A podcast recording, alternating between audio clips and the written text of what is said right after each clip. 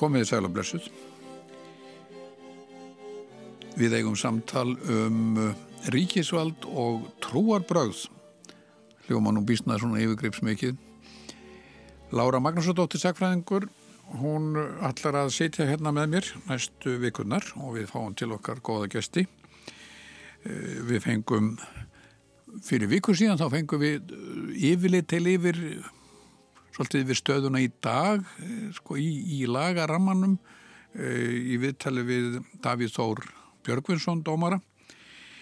En um, það er allir í dag að, að líta frekar á hérna sögulegu þróun á Íslandi og þar þurfum við nú ekki að leta langt við skamt því að Lára hún uh, hefur skoðað stöðu og samspil ríkisvalds og kirkjuvalds ef ég má nota það hugtak Hún skrifaði doktorsvitgerði sagfræði um uh, tímabili 1275 til 1550 og þannig að ef við, ef við förum í smá sögusgrens, Lára, yfir, ég segir smá sögusgrens, það kannski verður nú ekki endilega þannig, en því að þetta er bísna snúið mál og það sem kannski er rétt að, sem, sem, sem ég, bara er rétt að, að, að segja hlustandum að að þegar við tölum um ríkisvald og trúabröð þá erum við alltaf mikið í þessari þátturöð, þá er, þá er hugmyndin svo að vera ríkisvaldsmegin, getur við sagt. Þar sé við erum ekki að fara í guðfræði eða trúabröðafræði í venlegum skilningi, heldur miklu fremur að skoða þetta svona stjórnskipunarlegt samspil, ekki sett? Jú, það er nefnilega einmitt það. Við, það er aldrei aldrei sterk að hefð fyrir því nú orðið að, að tala um sko, samskipti ríkis og kirkju þegar við erum að tala um þessar hluti og sem er ekkit óeðlegt því að þá erum við að tala um okkar eigin tíma. E, en það sem að mig langaði til þess að eiginlega gera í þessari þáttaröð er að gera tilrönd til þess að snúa aðeins áherslunni, skiptenni og það e, sem sagt, svo hugmynd vaknar önverulega af af rannsóknum mínum sem að ég fæ hérna tækifæri til þess að segja dálítið frá. E, það er nefnilega þannig að trúarríkið hefur haft trúarbröð innbyrðis mjög lengi og með nokkuð ólíkum hætti. Mm. og, og, og þetta getur kannski svolítið skýrt ef ég fæ að segja dálítið frá því sem ég hef verið að rannsaka Já, og svona í stórum, stórum dráttum og, og hérna sagt, ef maður bara byrjar núna þá er það þetta sem við tölum doldið um í, í síðasta þætti sem er semst það að núna er ríkisvaldinu skilt að tryggja trúfrelsi og það er stjórnskipunulegt atriði. Og en áður en að trúfrelsið kom til þá var ekki trúfrelsi og það er raun og verið ekki tilnætt sérstætt hugtak yfir ekki trúfrelsi, það bara var ekki. og frá því að ríkisvald kom til sögunar á Íslandi að þá hefur þetta ríki haft það innanbors að eh, stýra trúarbröðun landsmanna. Mm. og þetta er einlega það sem ég hef verið að rannsaka undanfarið daldi mörg ár. Og eins og sæður þá skrifiði doktorsvitger 2007 sem að var um, um tímabili frá 1275 fram að síðaskiptum þetta tímabili kallaði síðmið, síðmiðaldir og hérna það sem ég hef gert sem sagt er að ég ger greinamun á uh, hérna stjórnskipunarlögum og almennri lögjöf og Já. það er aldrei mikilvægt í þessu. Og hérna Og þú notar stjórnskipunarlög en ekki stjórnarskrá því að stjórnarskrá er, er nútíma fyrirbæri stjórnarskrá er kannski bara orð sem er notað um það þegar öll stjórnarskipunarlögin eru í einni skrá. Já, og það já. er ekkit endilega þannig já, og það er til þess að gera má segja nútímalegt fyrirbæri. Þó ekki endilega, það er til önnur orð. Grunnlög er, er, voru mikið notuð til dæmis og það er til gömul grunnlög. Nefnið það kannski á eftir. Mm. en eh, en sem sagt eftir því sem að mér sínist og ég finn í þessum heimildum því að sakfræðingur rannsakar náttúrulega heimildir fyrst og mm. fremst mm. og í þessum heimildum sem ég hef verið að skoða þá hérna sé ég það að trúmál landsmanna hafa verið bundin í stjórnskipununa mjög lengi og, og þetta er aðaladri eins og, eins og trúfrelsið er bundið í stjórnskipununa og þá var hitt líka bundið í stjórnskipununa að ríkið ætti að skipta sér af og ég skipti Íslandsugunni niður í þrjú tímabil þar sem að sem sagt, rannsóknin er afmörkuð af því að, að hérna, það þarf að hafa verið komið ríkisvald til sögunar til þess að ég geti rannsakað hlutverk ríkisvaldsins. Já, og þar meðal þú við 1275 eða hvað? Já, þá meða ég stórundráttu við 1275, svona þann tíma og hérna og, og þessu tímabili líkur síðan 1200, nei, 1874 þegar að uh, hérna trúfresi kemur. Já, já. En mál er það að, hérna, já og ég get sagt það að það er þetta tímabil sem ég kalla síðmiðaldir frá 1275 til, til síðarskipta. Síðan er tíminn frá síðarskiptum fram að innveldistíma og svo er, tíminn, er það innveldistíminn fram til líraðis mm. 1874. Þannig að þetta eru þrjú tímabil. Mm. Og þau eru nefnilega bísna ólík þóttu síu lík og eins að því leiti að í öllum tilvægum var eh, ofnbergstofnun sem fór með allt vald yfir þessum yfir trúmálum. En það er hérna svolítið sérstakt sakfræðilegt vandamál e, í þessu sem að ég verða að nefna og er kannski það sem að er sérstaða minna rannsókna líka uh, niðurstaða sem ég kom stað í doktorsveitgerðinni minni sem ég hef unnið með áfram. Og það er það að uh, spurningin um það hvers beilinnis hvenar kirkja og kirkjuvald hafi orðið til á Íslandi og hvaða hlutverk það hafi haft. Það gerir sér satt sem við þekkjum öll uh, sem hafum áhuga á sögu að Íslandingar gengur Snorriskonungi á hönd 1264 síðan eru hérna sett ný lög á 8. áratögnum 8. og 9. Uh, á 13. öld mm. og, og við vitum að það kom uh, Játsíða og svo kom Jónsbók og þetta eru lög konungsins og þetta er, manni, þetta er öllum kent í skóla en það voru líka sett eh, lög sem að um kirkjuna og trúmálinn sem héttu Kristinn Réttur Átna og þessi um þau lög skapaðist e, gríðarlega mikil sköpuðist mikil átök mm. langvarandi og þetta er algjörlega samsvarandi hlutir að gerast í Nóri þannig að átökin eru á báðum stöðum Þannig að það er verið að festa kristnina sem trúarbröð í sessi. Nei, sem, sem við, ja, við erum löngur en kristinn, það er að kerk, festa kirkjuna í sessi sem eh, stopnununa sem hefur vald yfir trúarbröðunum. Já. Og kirkjan sem sagt, sangvað þessum lögum, þá kemur í raun og veru Rómakirkja, verður bara stjórnvald á Íslandi eins og danski kongurinn. Mm Uh, Kristi rétturinn staðfestir uh, lög almennu kirkjunar og, og, og, og embættismenn kirkjunar og Íslandi eru raun og verið embættismenn uh, Róma kirkjunar mm. Og þetta er sjálfstað stopnun og hún fer með ákveðið uh, vald sem er skilgreint og það er sagt, þetta heita andleg andlegir hlutir sem, já, sem kirkjan fyrir með já. og kirkjan hefur þess vegna andlegt vald vegna sem hún hefur valdi yfir þessum hlutum. Mm. Þannig að þetta er sko bara... Þetta stendur alveg skýrum stöðum lögunum. Þetta er ekki sko... Þetta er, það er í raun og veru skilur ekkit sem að ég er að finna upp. Það stendur sko á mörgum stöðum og einum stað til dæmis það stendur beinlinis hefur konungur á guði veraldlegt vald til veraldlegra hluta en biskup andlegt vald til andlera hluta og ákvor þeirra að styrkja annars mál til réttra og lög, löglegra mála. Mm. Þetta þýðir það sem sagt, eins og ég skilði það, þá er ríkið, ríkið samanstendur af þessum teimur stofnunum. Þau skipta á milli sín valdi eftir efnisflokkum og, og andstæðnar eru þar heið andlega og heið veraldlega. Já. En það er sama, það, þú talar þarna að að bæði, báðar, báðar helmingarnir séu hluti á ríkisvaldin. Já, já, já, ég held að maður verði að gera það ef þeir eru jafnstæðir mm. þá þýðir það það að ég get ekki notað orðið konungsvald sem samheiti við ríkisvald. Þetta er ríkisvald og undir því eða innan þess er, eru þessi tvö, þessar tvær stofnanir, þessar tvær valdastofnanir. Kongur og pái. Já, eða mm. kongur og biskup eins og það er orðað já. í lögunum en, en, en biskupin var undir maður páa. Já. E, þetta stendur allt í lögunum og það er til óheimmi miklar upplýsingar um það hvernig þetta kerfi var síðan útfært og hvernig það var e, átt að vera og svo framvegis en það sem gerist sem sagt er það að það eru óbúslega miklar deilur um þetta og uh, sagfræðingar á, sko, fyrir, á, á 19. öld og, og, og framan að langt framan á 20. öld hefði þetta mikið áhuga á þessu stúdiruðu þetta mikið en þeirra afstafa var svo að kirkjan hefði þarna, er það sem er staðvist þarna er svo kallat kirkjuvald og kirkjuvald stefna á 13.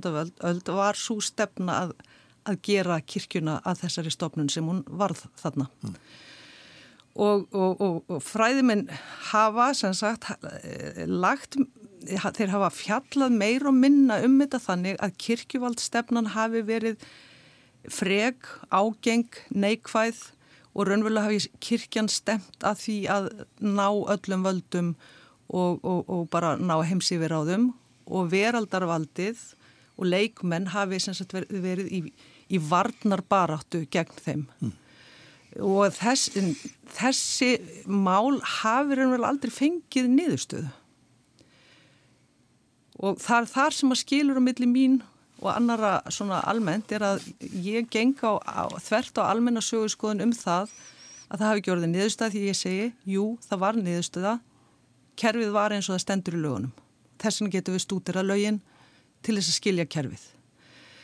En það sem hefur verið sagt daldið og, og þetta er raun og veru uppaflegt markmið með, með því að skoða þessa hluti það er að, að skilja hvernig kerfið var en e, það sem hefur orðið afleiðing af þessari umfjöllunarleið sem ég var að nefna er að e, sakfræðingar hafa alltaf lend í vandræðum með öll skjöl sem varða kirkjuna allar síðmiðaldir, allan tíman fram að, að síðaskiptum vegna þess að þeir veit ekki almennilega hvort að kirkjan hafiði vald eða hvort hún hafiði ekki vald. Þegar biskuparnir eru að bannfæra menn fyrir að hafa broti kirkjulögin þá segir sennilega hafiði biskupin ekkert þetta vald. Hann var bara, hann var bara seilast eftir peningum eða hann var bara að leggja þennan mann í einelti eða þannig að sagt, rannsóknir á uh, skjölum sem að koma frá kirkustofnunni á síðmiðaldum þau hafa alltaf verið daldi dreyin í efa, það hefur gert daldi lítið úr þeim og niðurstaðan hefur alltaf verið þessi við vitum ekki hvernig það var en ég segi sem sagt, jú við vitum hvernig það var og einfaldasta leiðin til þess að sanna það þótt að ég hafi nú gert ímislegt annað til þess er bara að sína fram á það að þegar að síðaskiptin urðu á 16. öld að þá fer ekkert millir mála að það sem konungurinn er að gera þá er að hann slítur sambandinu við Páfa hann stopnar nýja kirkudeld evangelísku lútersku kirkjuna í staðinn uh, hann fellir kristinréttin frá 1275 úr gildi og setur nýlög í staðinn mm. og þetta hefði hann að sjálfsögðu ekki þurft að gera ef þetta hefði ekki verið gild mm. Þetta er bara einfaldasta leiðin til þess að skýra það en það er sem sagt þannig sem ég nálgast þetta efni mm. og þá er þetta stjórnskipunar tímabil þar sem að, þar sem að rómerska kirkjan hefur þetta vald með konginum, svo koma síðaskipti og það er aftur stjórnskipunarbreyting. Mm. Þannig að það hefði ekki, það hefði ekki þurft að gera þessa stjórnskipunarbreytingu nema af því að það var ákveðin gild stjórnskipan í, til staðar. Já, og, og þetta er mjög augljóst og þetta fer fram mjög formlega og, og hafði ímiskonar sko, tæknilegar, lagatæknilegar sko, afleðingar sem þurft að leysa úr og svo framvegs. Þannig að sko... Er, það er ekki lengi, það er ekki mínum vafa nein, nei, í mínum hugan er vafi um þetta En ef við ætlum að ræða það, þá er það í raun og veru margir aðrir þættir. Sko, Já, en, nei, en kannski bara þetta að þú varst að tala um viðþorf, sko, viðþorf manna og segfræðinga til þessa. Já. Að þá, sko, samkvæmt, samkvæmt þínum niðurstöðum, þá var ákveðið samkómulag í gildi um þessa skiptingu. Já. Þannig að það, það að ætla, að þetta hafi verið ákveðin kannski vænisíki þjóðurnisinnar að segfræðinga síðan meira að, að halda að, að kirkjan væri endil alltaf í þeirri stöð að vera ásælast einhverju völd. Já, þetta er þjóðurnislegt og þetta er spennamilli sko kathálskra og mótmælandaríkja og það eru alls konar ástæður fyrir því að já, þetta já. verður til En þetta er, sko, þeir eru uppi staðið afskaplega ógaglegt vegna þess að þetta setur sagfræðingar bara í þá stöðu að þeir eru alltaf búinir að komast af niðurstöðu áður en þeir byrja að rannsaka skjölinn vegna þess að, að, að öll deilumál voru fyrir sjáanlega af því að kirkjan var að ás, ásælast eitthvað. En þú segir en þetta var að byggja afnægi. Ef maður skoður þetta bara sem kerfi, Já. þá er bara þarna, þá er bara þarna, sem sagt, ríkisvald, stopnun, sem hefur lög sem hún vinnur eftir, ennbættismannakerfi sem að sinnir því, uh, sækir, rannsakar, lögbrot, dæmir menn og framfylgir þeim dómum. Og þá bara byrja hlutinir að ganga upp. Og til þess að hérna, sagt, ná síðan tökum á því að skilja hvernig kerfið er að þá þarf maður að skilja alls konar hugtök eins og þetta með andlega hluti og andlegt vald mm. sem að andlega hlutir þýðir í raun að veru trúarbröð það er sem sagt nútíma þýðing á því orði. Já, já. Og, og, og, og svo þegar að síðaskiptin koma þá ákveður da, danski kongurinn og það er ákveðið sem sagt að hætta að vinna með, með Rómakirkjunni. Þeir stofna sína eigin kirkjudeild. Hann ræður yfir henni að ekki fullkomlega því hann, getur, hann setur bara lögum þá hluti sem að Guð er ekki búin að festa niður hann segir það í þegar hann er að breyta stjórnskipunni þá, þá tekur hann sér vald til að setja lög um, um trúmál í staðin fyrir það að kirkjan hafði einmátt gera það áður en hann er setur samt fyrirvara á það hvaða hann má skera mikið vegna þess að sömnt er bundið í orðið Guð sko. Mm. Þannig að fyrir síðaskipti þá var ríkisvaldið í rauninni samsett af, af konungsvaldi og kirkjuvaldi Já. með ákveðinu jafnvægi þar en eftir síðaskipti þá er, þá er í rauninni ríkisvaldið þar að segja þá er konungsvaldið uh, Orðið eitt ríkisvald Já, já. orðið eitt ríkisvald En hefur áfram uh, sinnir áfram andlegum hlutum þar að stjórnar ennþá trúabróðunum, rekur til þess stopnarnir uh, og valdi hans er bundið, hann er ekki algjörlega frjáls að lagasetningu um þessi málkongurinn, hann viðurkennir það og þetta er mikilvægt vegna þess að þegar að síðan einveldið kemur Já, þar gerur þau skil Já, í, þessari þar gerir skil. Einveldið er augljós stjórnskipunabreiting. Það sem konungurinn verður einvaldur, orð hans verða lög, hann ræður öllu. Hann gaf út grunnlög, uh, þetta er uh, upp úr 1660 þar umkring. 1660 gerðust Íslendingar aðilar að einveldinu, þeir skrifuð undir það. Jú. Og danski kongurinn var held ég eini, eini einveldiskonungurinn sem gaf út lög, nei hérna grunnlög stjórnskipunarlög og þar tekur hann sérstaklega fram að nú taki hann völd yfir öllu sem við kemur kirkju og trúmólum stóru, litlu og hverju nafni sem það mm, kann að nefnast, segir hann. Mm. Þannig að þá er hann ekki lengur bundin af orði Guðs eins og hann hafði verið áður og þetta skiptir máli e, vegna þess að þetta þýðir raun og verið það eins og ég skilða að að hann tekur sér vald yfir sam, samskiptum sóknaprestana og sóknabannana. Þessi hlutir hafðu aldrei áður verið nefndir í almennri lögjöf og ekki heldur beinins í kirkjulögjöfun vegna þess að þetta var alltaf meira og minna lengt í Ó. gamla kerfinu, bæði í, í katholska kerfinu og tíma, tímabilin eftir síðaskipti.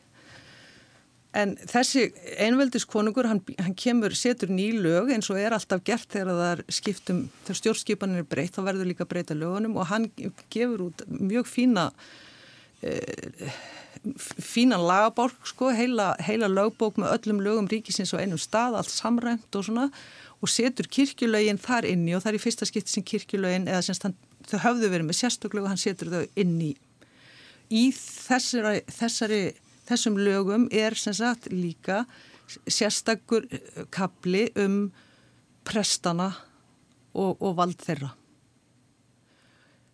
Og, og veninni samskiptið þeirra. Já, og, og valdið sem prestanir eiga nú eftir þetta að fara að beita uh, sagt, uh, almenning, sóknarbötnin sín þegar ég að fara að fylgjast, uh, sem þeir hafa sem alltaf gert á einhvern nátt, fylgjast með breytni þeirra á kristilegðar hegðun og svo framvegis og hjálpaði með að þeir hérna ef eitthvað bara út af en þarna fá þeir sem sagt refsivald og það eru hérna, þessi, þessi lögbók, hún var, það eru mikill vafi á því hversu mikið hún fekk, mikið gildi hún fekk á Íslandi, mm. en ég tel mikið þetta sínt fram á það að sá hluti lagana sem varðaði þetta nýja valdprestana hafi verið uh, lögtekið sérstaklega hér á landi.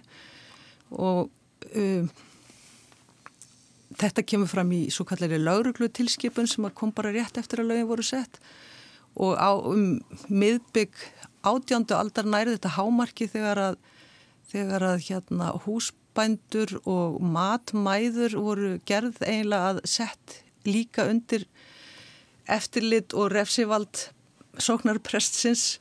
Þetta er semst alltaf að gera, þeir eru komin með semst lögin Húsaga. inni algjörlega inn á heimilið og þeim, þá er þarna húsbændunum og, og matmæðurunum gert skilt að, að, að fara að fylgjast með og þau eru gerð ábyrg fyrir hegðun fólks inn á heimilunum, þau eiga að, að beita það jafnvel líkamlegum refsingum með vendi og svo framvegis. Og þetta er mjög, þetta er, sko, þetta er fullt af tilskipunum, sko, svo, svo er presturinn látin koma byrja að húsvitja sem hann hafði ekki gert áður með þessum hætti beinlinnist til að fylgjast með breytninni skrá niður upplýsingar um fólk og færa það í, til biskups sem að fyrir að halda bækur yfir það hvernig fólk hafa sér heima hjá sér og svo, og svo framvegis. Þetta, þú veist, en að, nú er ég að fara rosalega hrætti yfir þetta. Kjarni málsins er, það eru margar, það hafa þegar sagt, á, bara á Íslandi verið sagt, reyndar þrjári leiðir við að hafa ekki trúfrelsi og eftirlit ríkisvalds með því, sko. Já, en, en, en það, sko bara þetta eftir þessa, hvað var ekki kvöldu húsaga tilskipan, þarna miðja, miðja átjóndöld, þá er komið, þá er svo komið að afskipti allt svo það sem venjulega, það er í svona konungsvaldsins, einveldisins hins, ein, hins einvalda og hans embætismann afskipti, það er ekki bara það að skilin sem voru á milli veraldlegs og andlegs séu horfin, heldur líka í okkar skilningi milli hins og ofenbæra og enga. Einmitt. Þannig að þetta er orðið gríðarlega mikið Þetta er orðið mjög stjórn. þröngir möskvar þarna Já. og, og, og eiginlega aldrei merkilegt fannst mér að átta mig á því að, að það hafði ekkert alltaf verið svona, þetta var nýjung, þetta kemur til þarna og það sem að skiptir líka mjög miklu máli er að öll þessi brot öll, og það, það er það sem ég er mest að rannsaka það er hvernig voru, semst, hvað gerðist ef að lög um trúarbröðu voru brotin. Þá er rannsókn og mennur sótið til saga og, og það eru skriftir og bannfæring og hitt og þetta og síðan er mísjönd eftir tímabilunum sko hvernig það síðan heldur áfram. En á öllum þessum tímabilum þá e, öll þessi tímabil eiga það sameigilegt að sá sem að braud alvarlega af sér sérst, á sviði þess trúabræðana hann gat endað með því að fá á sig uh, refsidóm dóm sem var þess eðlis að, að, að réttindi hans í ríkinu voru skert mm. tekinn af honum uh, hann gætt uh, sko eftir mismunandi eftir tímabilum hann gætt þarna enda lífsitt hann gætt lendi því að lifa bara réttindalaus eða það gæti hérna verið sendur á einhverju öðru tímabili í þrælkunarvinnu alveg eins og morðingi eða þjófur eða nöðgari, skiluru Já. og þannig að sagt, þetta ítrekar líka þessa stjórnskipunarlegu stöðu trúabráðana það er að segja trúarbröðin eh, höfðu, höfðu beint samband við réttindi manns í ríkinu.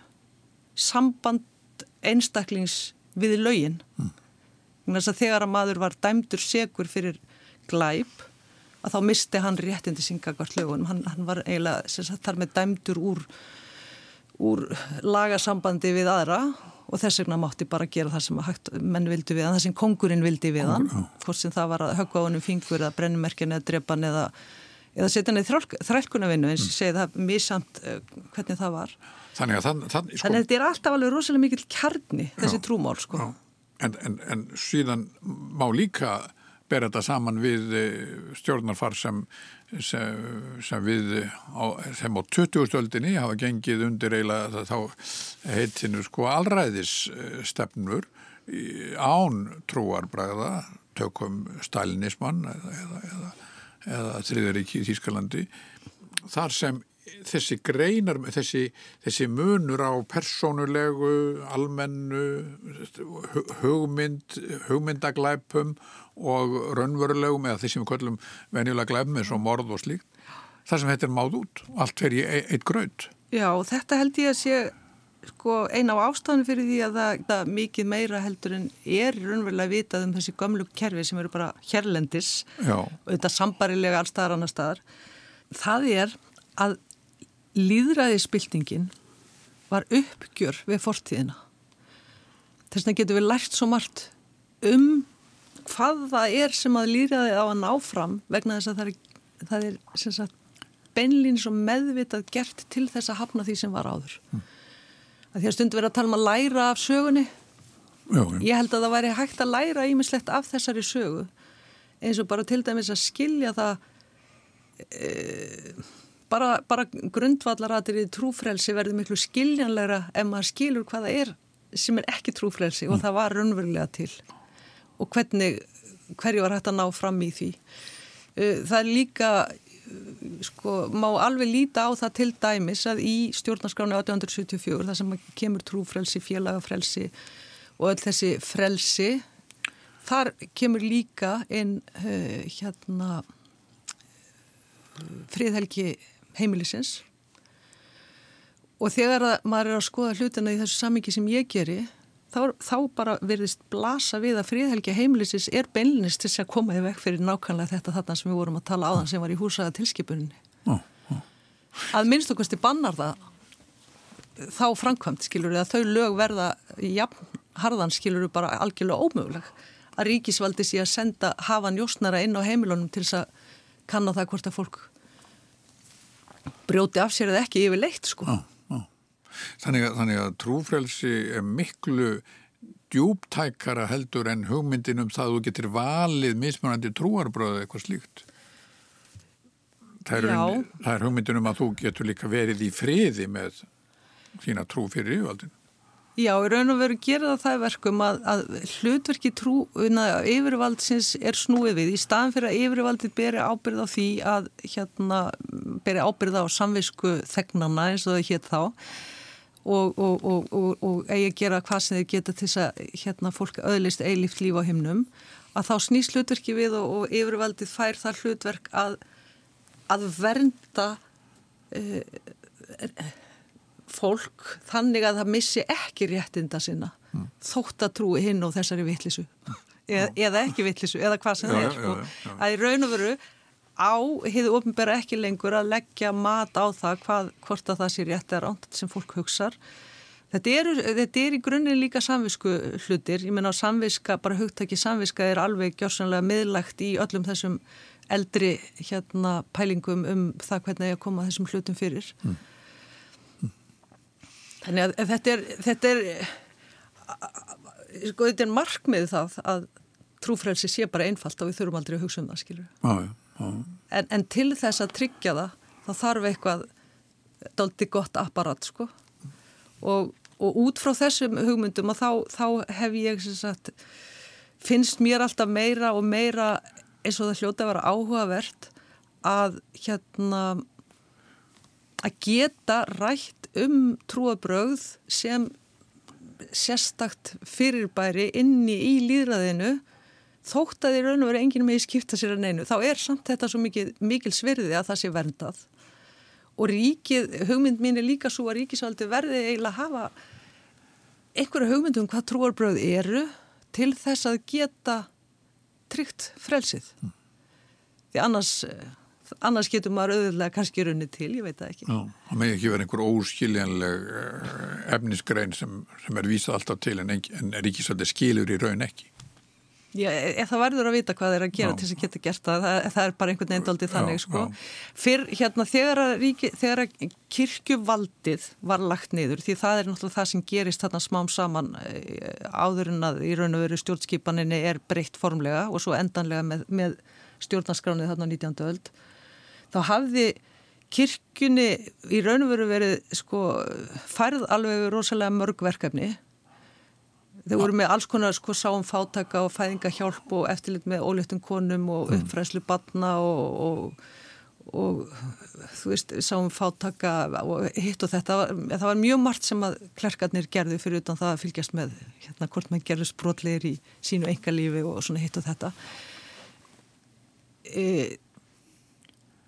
þegar að rík, kirkjan hættir að hluta ríkisvaldin þá, þá sleppur hún líka, skilur þá eru öll þessi verkefni tekin af henni, mjög mikið af þessum verkefni sem kirkjan var með fóru inn á svið sem við myndum núna kalla sko félagsmála svið sumt fóru inn á heilbriðsvið sumt fóru inn á heilbriðsvið eh, annað fyrir inn í kannski inn, inn í réttakjörfið eh, sumt fellur einfallega niður og, og, er, er, og er þá komið inn í frelsis hérna inn á frels, frjálsasviðið. Já, já. Eh, og þetta þýðir það sem ég finnst líka svolítið bara svona skemmtilegur vingil að með líðræðinu þegar það verið að sagt, taka trúabröðin frá þá er samt verið að skilgjörna trúabröð upp og nýtt vegna þess að, að, að sko, skilgjörna hvað, hvað ríkið telur til trúarbröða af því að til dæmis þegar að síðaskiptin komu að þá var eitt af því sem var sko sem að siðaskiptamenn höfðu á móti að lútersmenn höfðu á móti Rómakirkjunni var það að þeir töldu að Rómakirkjan hefði sko tekið yfir fullt af málinn sem væri í eðli sínu veraldleg.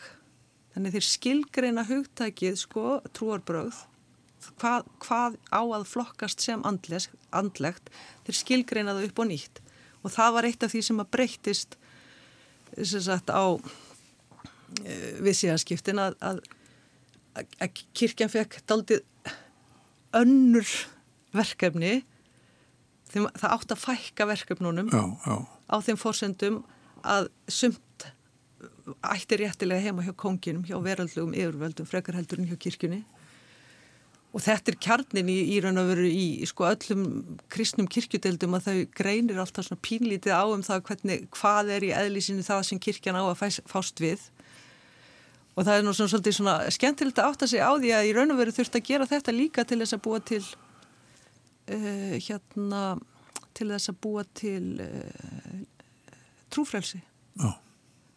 En, en í þessari sögulegu þróun Lára þá um, sko þú varst eða komin þánga við stökkun svo yfir í trúfrælsi en þú varst eða að lýsa uh, þessari þvinguðu sambúð, getur við sagt, á einuvildistímanum, þar sem einvaldurinn í raun ræður öllu. Var það ekki, sko, nú, og nú þekkjum við það að Ísland, að Danir með stjórnarskrafsinni 1849, það er sett inn ákvæðum trúfrelsi og hér síðan 1874, var ekki, var ekki linnað á þessu þegar svona einveldis með dvínandi einveldi, já?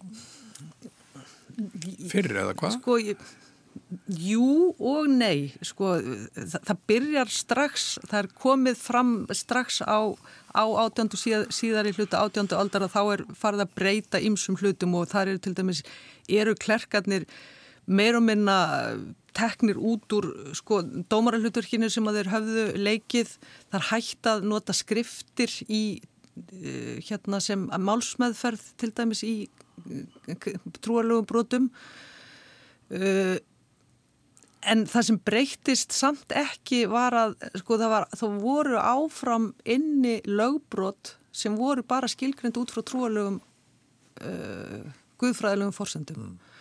og, og, og kongurinn var samkvæmt öllu skiplæginu en þá að refsa fólki á þeim fórsendum að þetta væri einhvers konar brot gegn hérna trúabröðunum mm.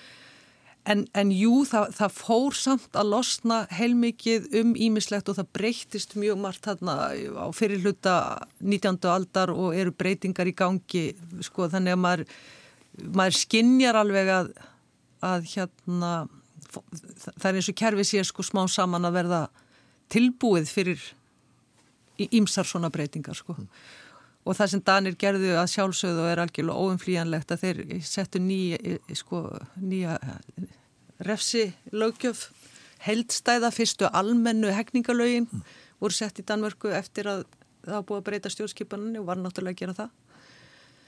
Því að margt sem að höfðu ekkert verið glæpir sem að bara, nei sem höfðu verið glæpir sem að máttu bara allt í hennu hver sem er gera sko.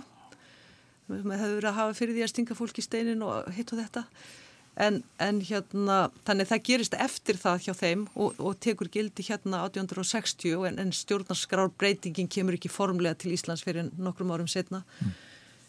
en þetta er eitthvað sem hlýtur alltaf að haldast í hendur Það voru nú, nú einmitt fræktæmi um þessa um, um, ja, þá þáttíð umræðum um trúfrelsi á Íslandi á þessu tímabili á milli 1849 og 1874 að þegar einar ásmundsson í Nesi gengst fyrir undirskriftasöfnu Norður Þingasíslu þar sem hann uh, eða bænaskrá þar sem hann í rauninni byðlar til yfirvalda um trúfrelsi. En þá verðist hann hafa haft í huga þennan möguleika á að, að þess vegna gerast kathólskur vegna, vegna kathólskra presta sem Eh, hér komu til lands til að, að sinna til að þjónusta franska sjómen og voru litnir hotnöga vegna þess að það trúfrilsi var ekki nefndinu. Nei, ég held að sko Íslendikar hafi verið í svona smá erfileikum þarna á þessu tímabili vegna þess að þeir vildu auðvitað fá öll þessi borgararéttindi sem að fylgdu dansku stjórnarskráni mm en eins og kunnugt er þá var Jón Sigursson og fleiri ansnúnir því að taka stjórnarskrána gilda eins og hún var og hafðu til þess að bara mörg ágættisrög þannig að þeir þurfa að standa gegn þessu þánga til þeir eru búin að ná sínu fram sem þeir tókst að lókum ekki þá. En, en ég held að þarna samt liggi kannski kjarnin í andstöðunni sem varð við þessa beini sem að þú varst að tala um að, að þeir gáti ekki farið að pilla úr dönsku stjórnarskráni hluti sem að þeir vildu fá en en að láta aðra standa eftir sko. Mm. Þetta, þetta er náttúrulega heldarhugmynd og, og skipti í Íslendinga þarna miklu máli hvernig þeir væri skrifaðir, hvernig Ísland væri skrifað inn í þessa. Mm.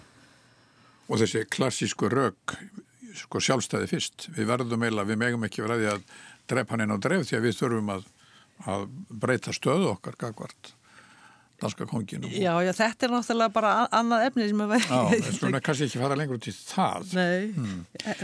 En, en sko, nú, nú erum við búin að fara hérna yfirdaltið söguna mjög hratt mm.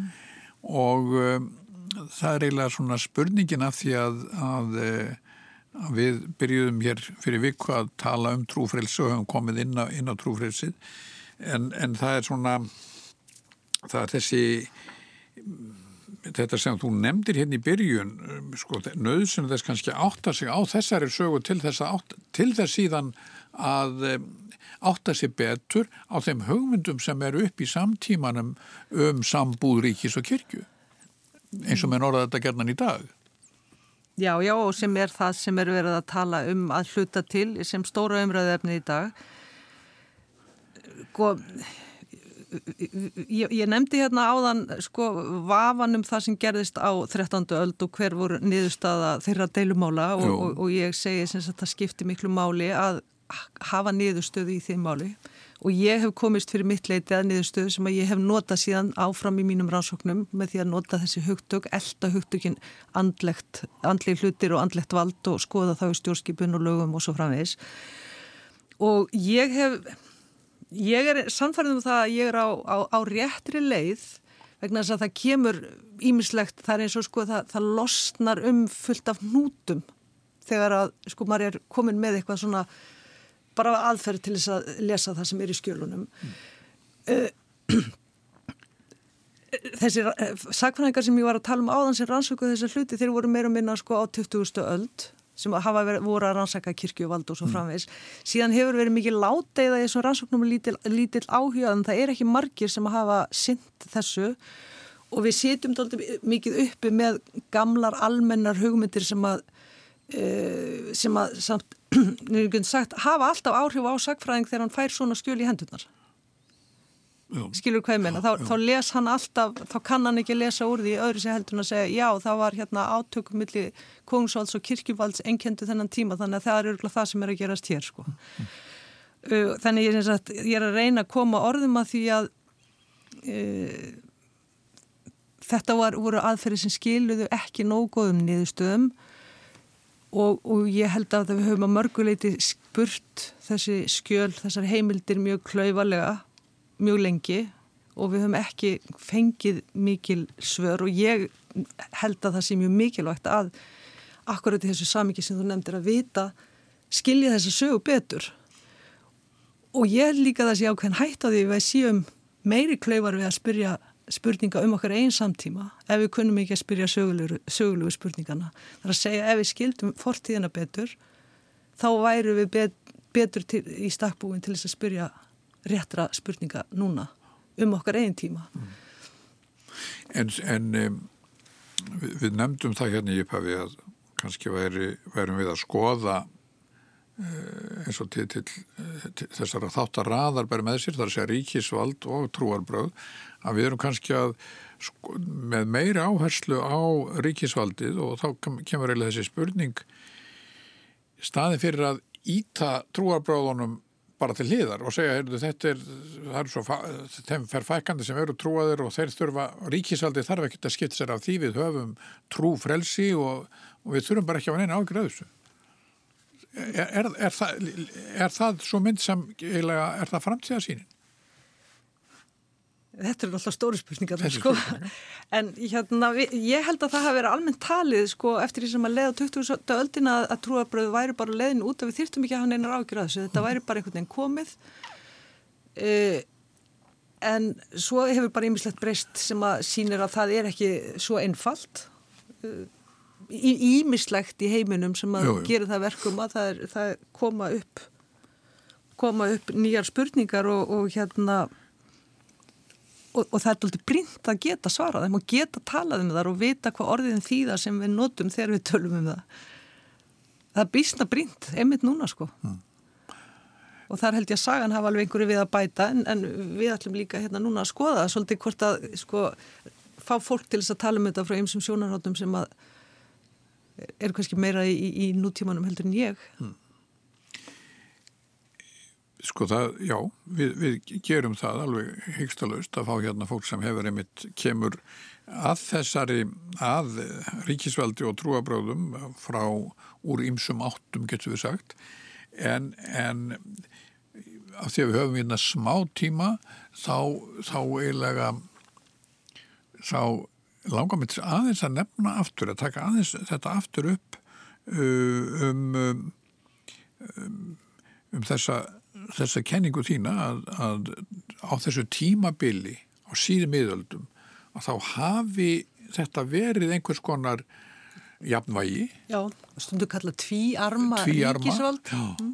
já og, hafi, og að, að þetta hafi kannski e, þetta hafi kannski ekki en menn hafi ekki átt að sé nú vel á þessu og, og talað um þetta sem e, að það hafi verið meiri átök þarna á milli þess að það tekja arma en, en, en sér finnst vera. Já, það er það, er það. Þetta, þetta hefur, nú er ég auðvitað alltaf að tala sem sagfræðingur en þetta hefur til dæmis bara mjög mikil áhrif á það hvernig maður skilur skjölinn sem maður verið að sem, sem við höfum til að rannsaka Já. og, og ég get nefnt hérna dæmi um það hvernig er hvernig sagt, það að hafa komist að þessari niðurstöðu sem ég hef komst að það hefur raunverulega verið tví armar ríkisvald og, og þá getur maður skoðað rækilega hvernig átti þessi stopnun að vinna, hvert var em, hlutverka embettismanna þeirra, hvernig átti málaferðlega að ganga fyrir sig og svo framvegis. Mm. Það er hérna dæmið um, um morðið á Jóni Gerriksinni skálhóðsbiskupi, hvað var ekki 1433 mm. sem hefur, sko, ég menna þetta er náttúrulega ekki drýmið, það er stormál biskupin er drefin og hendur út í á. Og, og sagfræðingar eru búin að tala um það sko, áratugum saman af hverju var morðingjónum ekki refsað? Það búið að koma með alls konar tilugur tilgátur um það hvað, hvað, og ein af þeim er að sjálfsögðu bara að þú veist bæði konginum og Íslandingum er bara þó svo ágætt að losna við svona umlan biskup skilur því það er alltaf gild, einar gildu ástæðanum og þess vegna hefur bara ekkert gert í því En, en, en þegar að ég, ég síndi þetta í, í bókinni minni þarna að þegar að ef að maður sagt, hugsa bara sagt, hvernig á svona málað ganga fyrir sig? Hver er réttur farvegur? Hver er réttur farvegur fyrir sko, hvern, hvað gerir kerfið þegar það fer af stað út af nákvæmlega svona máli? Og þá er bara niðurstaðan svo það er augljóslega kirkjuvaldi sem fer með fer með hérna dómsvaldið þannig að kongurinn kemur málunni fyrsta læki við e, á þessum tíma voru sagt, hefði verið þarna bannsetning uh, fyrst þetta var biskup sem var drefin þá er sko gæti verið að það þyrti, það er alltaf hægt að aflausn frá bánfæringu. Mm. Þá gæti verið að það sé satt einhver æðri en íslensku biskup sem þarf að dæma í málunu en það sem maður þarf að leita að er staðfesting á annarkvort á bannsetningunni eða aflausn fyrir úr því banni. Mm. Og þá blasir bara við að einu og hugsaður, einu samtíma heimildirnar sem eru til með þetta morð eru tvö aflausnabref frá Páfa sjálfum til morðingjana. Sem sagt, þegar að maður kann að leita að heimildunum af því að maður þekkir kerfið, þá, þá finnast þar. Og að ég er búin að leysa þessa gátu, það var ekki þannig að morðingjum hans hafi ekki verið refsað heldur, fór það bara í gegnum þetta kerfi og svo lög því máli. Þannig að þú ert eiginlega í svona, þú ert komin hann inn í glæparsögu 15. aldar. Er, það er akkurat það sem ég er á kafi í. Raunverulega allar þessar rannsóknir mínir eru til þess að ég geti skilið eh, hérna, heimildirna sem eru til úr eh, sko, við domstólana. Og þetta og það að þessar heimildir skuli vera til. Já. Sýnir það að kerfið, eins og þú varst að lýsa því, að, að, að kerfið virkaði. Já og í þessu hérna sko tilteknamáli að það virkaði á alþjóðlega vísu, skilur alla leðina til Rómar já, já. að hýrarkið var virt sko. Já er, finnst hér að, að það hafi hafi kjarnan gætt ákveðin eða þeirrar, þeirrar, þeirrar uh, skoðunar eða þeirrar sjónamiða að allt hafi verið svo sérstætt á Íslandi? Þetta hafi ekki, þetta hafi ekki endilega verið hluti af alþjóðlegu kerfi.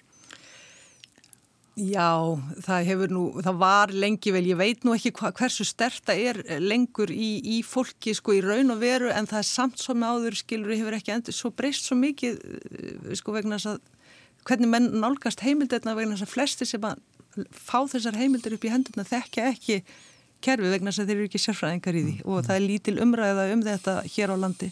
Þannig að Ég er nú að vona að hún sé ekki eins hérna rík eins og hann var. En ég vil nefna að lókum sko eins og trúfrelsið er ekki íslensk hugmynd heldur er það yfir þjóðlegt hugtak að þá var það eins í hér, hér á öldum áður að sko bæðið þegar að Ísland var undir Rómakirkjunu þá færði það sko öll viðmiðinað utan og eins með lútestrúna þar er byggt á guðfræði lúters sko samvinnu fræðimanna í útlöndum og lúter skrifaði mér sér sjálfur undir laugin sem að sko settu síðaskiptin á á Íslandi.